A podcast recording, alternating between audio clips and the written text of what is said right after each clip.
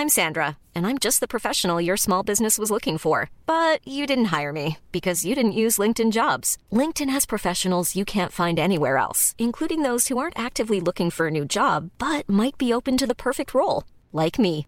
In a given month, over 70% of LinkedIn users don't visit other leading job sites. So if you're not looking on LinkedIn, you'll miss out on great candidates like Sandra. Start hiring professionals like a professional. Post your free job on linkedin.com/people today. Millions of people have lost weight with personalized plans from Noom, like Evan, who can't stand salads and still lost 50 pounds. Salads, generally, for most people, are the easy button, right? For me, that wasn't an option. I never really was a salad guy. That's just not who I am. But Noom worked for me. Get your personalized plan today at Noom.com. Real Noom user compensated to provide their story. In four weeks, the typical Noom user can expect to lose one to two pounds per week. Individual results may vary.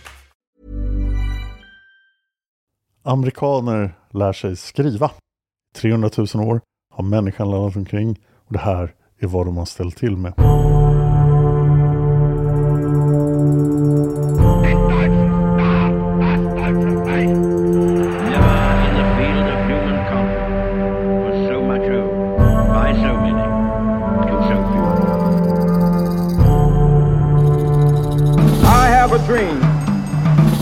Dallas, Texas, the flash, apparently official, President Kennedy died at 1 p.m.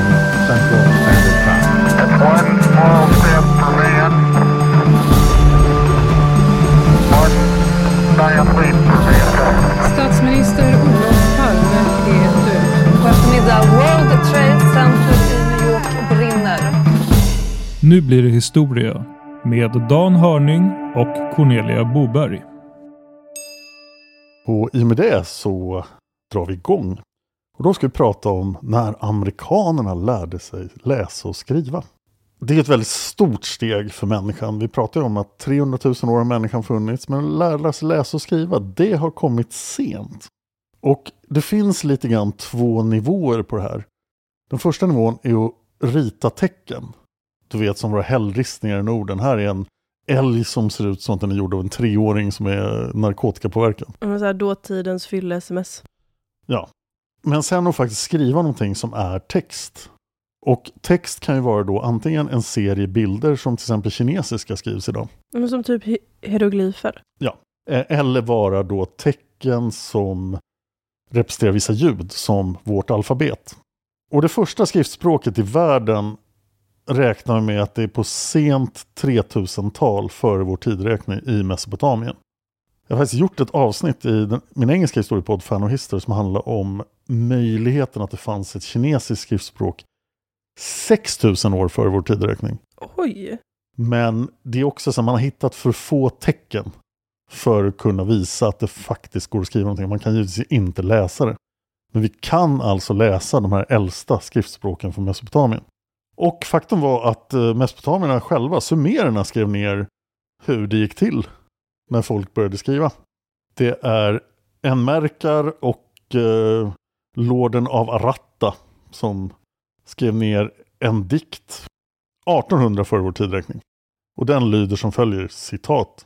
Eftersom budbärarens mun var tung och han inte kunde upprepa meddelandet så tog adelsmannen fram lite lera och placerade orden där fram till det ögonblicket hade det inte funnits några ord i leran. Slutcitat. Filosofiskt. Men det var ju då alltså över tusen år, över 1200 år tidigare som de hade lärt sig läsa och skriva.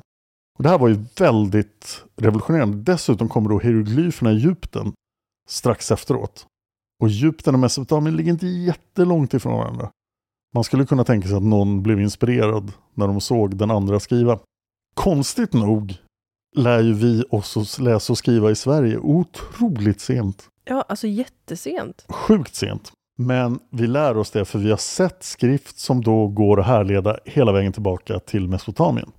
Men Amerika, Nord och Sydamerika, ingen har tagit sig mellan Amerika och den gamla världen före Columbus eller, det är ju ett ämne för ett annat avsnitt, men det tog i alla fall väldigt lång tid innan någon tog sig över Atlanten till Amerika. Så amerikanerna lyckades utveckla skriftspråk själva. Oj. Mm. Och det finns en massa konspirationsteorier att de faktiskt lärde sig det av afrikaner. Men det verkar inte stämma. Och för att kunna berätta den här historien så måste jag berätta för dig om olmekerna. Och vilka var olmekerna? Det här fascinerar mig jättemycket. Den första civilisationen som fanns i Amerika överhuvudtaget fanns i Peru. De hette Norte Chico, de gillade att fiska. Och sen dog de ut. Och ingen annan märkte av dem. Så när civilisationen får ett fast grepp om Amerika så är det i Mexiko. Allting händer i Mexiko. När spanjorerna kommer till Amerika så är det Mexiko som gäller. Inkafolket finns i Sydamerika men det är i Mexiko som civilisationens vagga har varit i Amerika. Och det börjar med olmekerna. Och det här fascinerar mig just för att olmekerna är väldigt högstående jämfört med då de primitiva stammar som fanns i Nordamerika och Sydamerika. Och nu pratar vi 1400 år före vår tidräkning. Utan de är den enda civilisationen i hela Amerika. Och de måste ju i tusen år ha varit övertygade om att de var den enda civilisationen i hela världen. Oj, vad isolerade. Ja, och det här visar också lite vilken otrolig chock det var när Columbus kom till Amerika. Och när de här två världarna förenades som hade varit helt åtskilda. Eller? Så länge. Och jag har så bra memes på det. Så olmekerna var civiliserade i den meningen att de faktiskt byggde städer. Men deras städer är väldigt speciella. De är någon slags tempelstäder. Så folk kommer till städerna för att ägna sig åt religion och sen åker de därifrån. Så det finns väldigt lite permanenta invånare i deras städer. Och olmekerna har gjort väldigt stort intryck på oss på grund av deras konst. Och det här är alltså då när vi i Sverige precis har lärt oss att hugga in en älg i en sten. Samtidigt gör olmekerna sådana här saker. Oj, Statyer, det var ju bättre än en fylleälg. Men mest, det som är mest berömt med olmekerna är att de gör gigantiska huvuden. Det här huvudet du tittar på nu, Cornelia, är två meter högt. Oj, har det varit en del av en staty eller har de bara gjort ett huvud? Nej, det är bara huvuden. Och vi har hittat 17 huvuden som är två meter stora. Oj, har de gjort 17 stycken?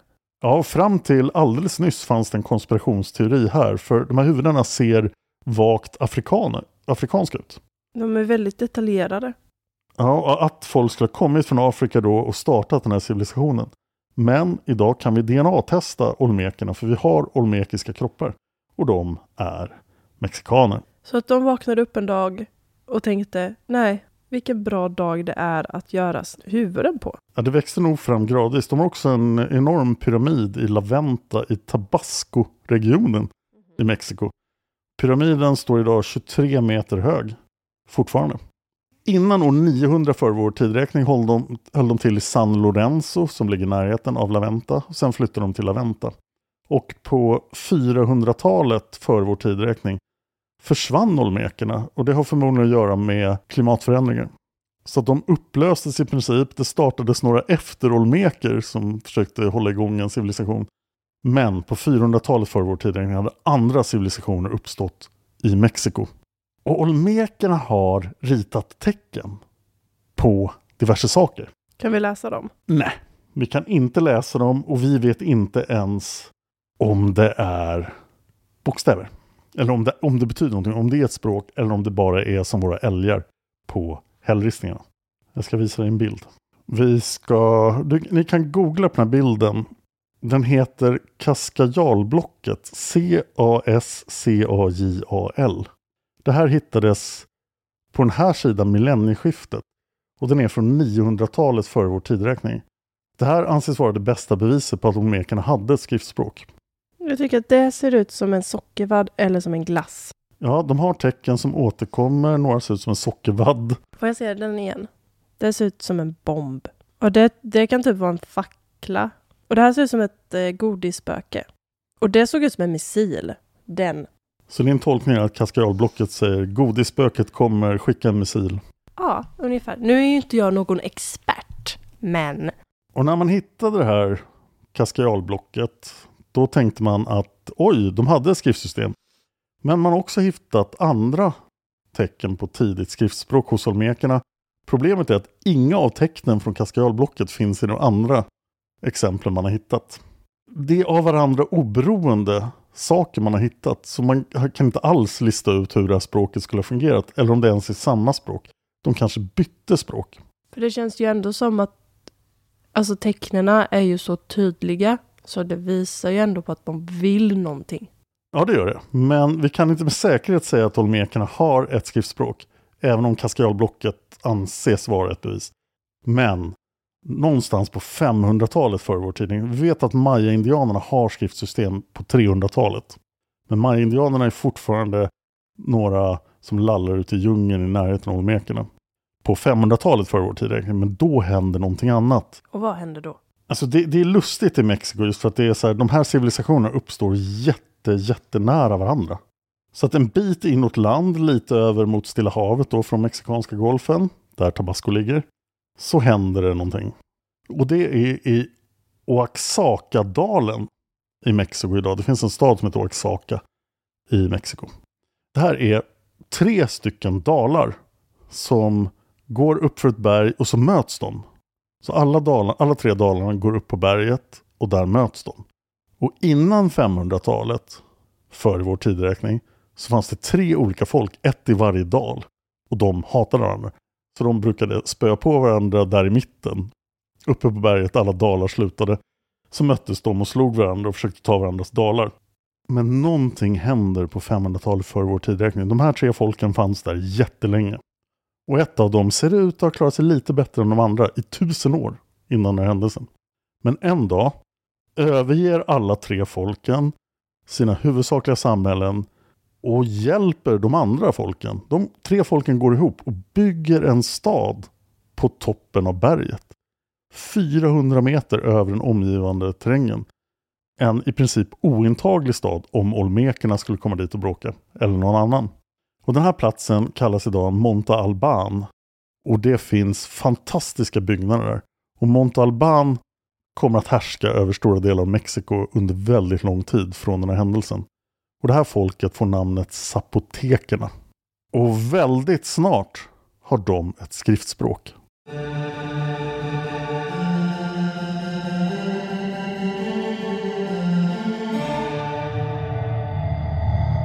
Som vi inte kan läsa, men vi är ganska säkra på att det är ett fonetiskt skriftspråk. Alltså varje tecken motsvarar ett ljud. Ja, som vårt alfabet. Då. Ja.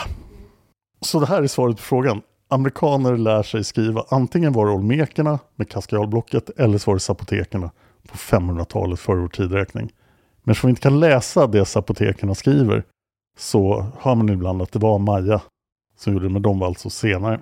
Så oavsett så lär de sig skriva före oss. Ja, ja pinsamt nog då 1500 år före oss. Eh, zapotekerna är kvar då 2000 år senare när spanjorerna kommer. Och de är inte erövrade av det aztekiska imperiet. Det aztekiska imperiet är ju supermakten i Mexiko när spanjorerna kommer. Och när spanjorerna börjar slåss med aztekerna så tycker zapotekerna vi stannar kvar på vårt berg och gör ingenting. Men en dag kom spanjorerna dit och till slut så konverterar de den zapotekiska kungen till katolicismen och då var det kört. Även om det idag fortfarande finns mexikaner som är zapoteker. Jag kan inte lämna zapoteken utan att ta upp deras bästa uppfinning. Kom ihåg att de bodde i de här tre dalarna. Och där fanns det hjort som de ville döda och äta. Och istället för att göra som vanliga människor jaga de här hjortarna så gjorde de någonting som kallas för hjortkatapulten. Vänta, vad är det? ja, de gömde en fälla som i princip var en stor slunga. Så de spände gummi, för det finns massor av gummi i det här. Olmec betyder faktiskt eh, gummifolk. Det finns massor av gummi i den här regionen. Så de gjorde en stor, stor slangbälla i princip. Som de gömde under lite löv. Och så kommer en stackars hjort, trampar fel. Pjong! Så flyger hjorten in i bergssidan i dalen och slår ihjäl sig. Sen är det bara att gå och plocka upp den. Men det låter ju mycket mer komplicerat än att bara springa ut och jaga dem. Fan vad taskigt. Ja, men tänk vad roligt att se på. Nej, stackars hjort. Det här är det mest eh, intressanta arkeologiska fynd man har gjort hos zapotekerna. Och man vet just att det var hjortar som de slungade. Det var inte så deras avrättningsmetod. Nej, däremot så var det ju dumt att vara full på jobbet eller något sånt och råka trampa på den. Och sen flyger man in i bergssidan. Alltså vilken rolig avrättningsmetod. Onekligen. Alltså om man hänger någon, det går ju så fort över. Ja, det, det går ju ganska fort över när man flyger in i en bergssida också. Jo men det är lite roligare att titta på. Den här staden Montalban blev några gånger långt senare erövrad ett annat folk som heter mixtekerna. Jag kan inte sluta det här avsnittet utan att prata lite om mixtekerna. De var alltså grannar med zapotekerna. Och ibland tar de Montalban och sen tar zapoteken tillbaka. Ibland är de kompisar. Med lite on and off relationship. Ja, och det finns en enormt berömd mixtekisk krigare från 1000-talet som har bevarats i aztekiska skrifter. För de har skrivit om den här fantastiska personen. Så jag tänkte jag skulle berätta lite om honom. Här har du en bild av honom. Det är han till höger. Är det Tyrion? Det ser väldigt psykedeliskt ut. Vår hjälte då, som vi ska prata om nu, heter Åtta Hjort Jagar-klo. Och vid ett tillfälle träffar han en annan krigsherre som heter Fyra Jagar smyger om natten. Men hur döpte de sina barn? Fyra jagarklo. Jo, i mixtekernas eh, värld så var man då döpt efter sitt födelsedatum, sin födelsemånad och sen något coolt. Så du skulle då förmodligen heta Ja, kan de min födelsedag? 21 december, pratar om historia. Ja, det hade jag kunnat leva med. Men nu, Cornelia, ska du få höra berättelsen om åtta hjort jagarklo. Åh, som jag har väntat. Jag har alltid undrat. Hans pappa var eh, översteprästen i Tilantongo, fader fem alligator solregn. Hans mamma var den ärevördiga fru elva vatten fågeljuvel. Fågel. Två av hans bröder, tolv jordbävning blodig jagar och nio blomma kupad boll med pil var hans trogna Nu krigsbröder. hittar du på igen. Han hade en halvsyster som hette Sexödla Jadefläkt. Sexödla. Ja, men så var det nog för att konstigt nog så bestämde sig åtta hjort jagarklo för att ligga med sin halvsyster Sexödlan. Det märks ju att han inte har lyssnat på vårt avsnitt om inavel i Habsburgska riket. Ja, det här är faktiskt värre än Habsburgska riket eftersom han ligger med sin halvsyster. Och ett tag har ju då åtta hjort jagarklo en bra Jagarko. tillvaro. Vad sa du? Jagarko. Ett tag har ju då åtta hjort jagarklo trevligt tillsammans med sexödlan. Men sen händer någonting fel. Så sexödlan sticker och gifter sig. Hon har inte gift sig med sex, eh, nej vet hon, åtta, åtta hjort jagarklo. Utan hon drar iväg och gifter sig med åtta hjort jagarsklo ärkefiende, elva vind blodig jaguar. Han är kung av staden Xippes hög. Och också känd som den röda och vita högen. Vilken dokusåpa. Ja, alltså åtta hjort jagarklo var då tronarvinge till Tilantongo. Men även de här som bodde i röda och vita högen hade claims på tronen av Tilantongo. Åtta hjort jagarklo, efter att han hade förlorat sexödlan, gav sig ut på en viktig militär erövring. Det finns en skrift som beskriver 94 städer som han tog. Han har alltid på sig en jaguarhjälm. Och eh, ja, nej, den här killen han träffade var ju, på den här bilden du såg, var ju eh, toltekernas härskare av Cholula. Fyra jaguar ansiktet i natten. Ooh. Och de bildar en allians som spöar skiten ur alla. Sen får man reda på i aztekernas skrifter här att åtta hjort jagarklo hade väldigt många äktenskap. Han gifte sig bland annat med 13 orm som var dotter till sexödlan.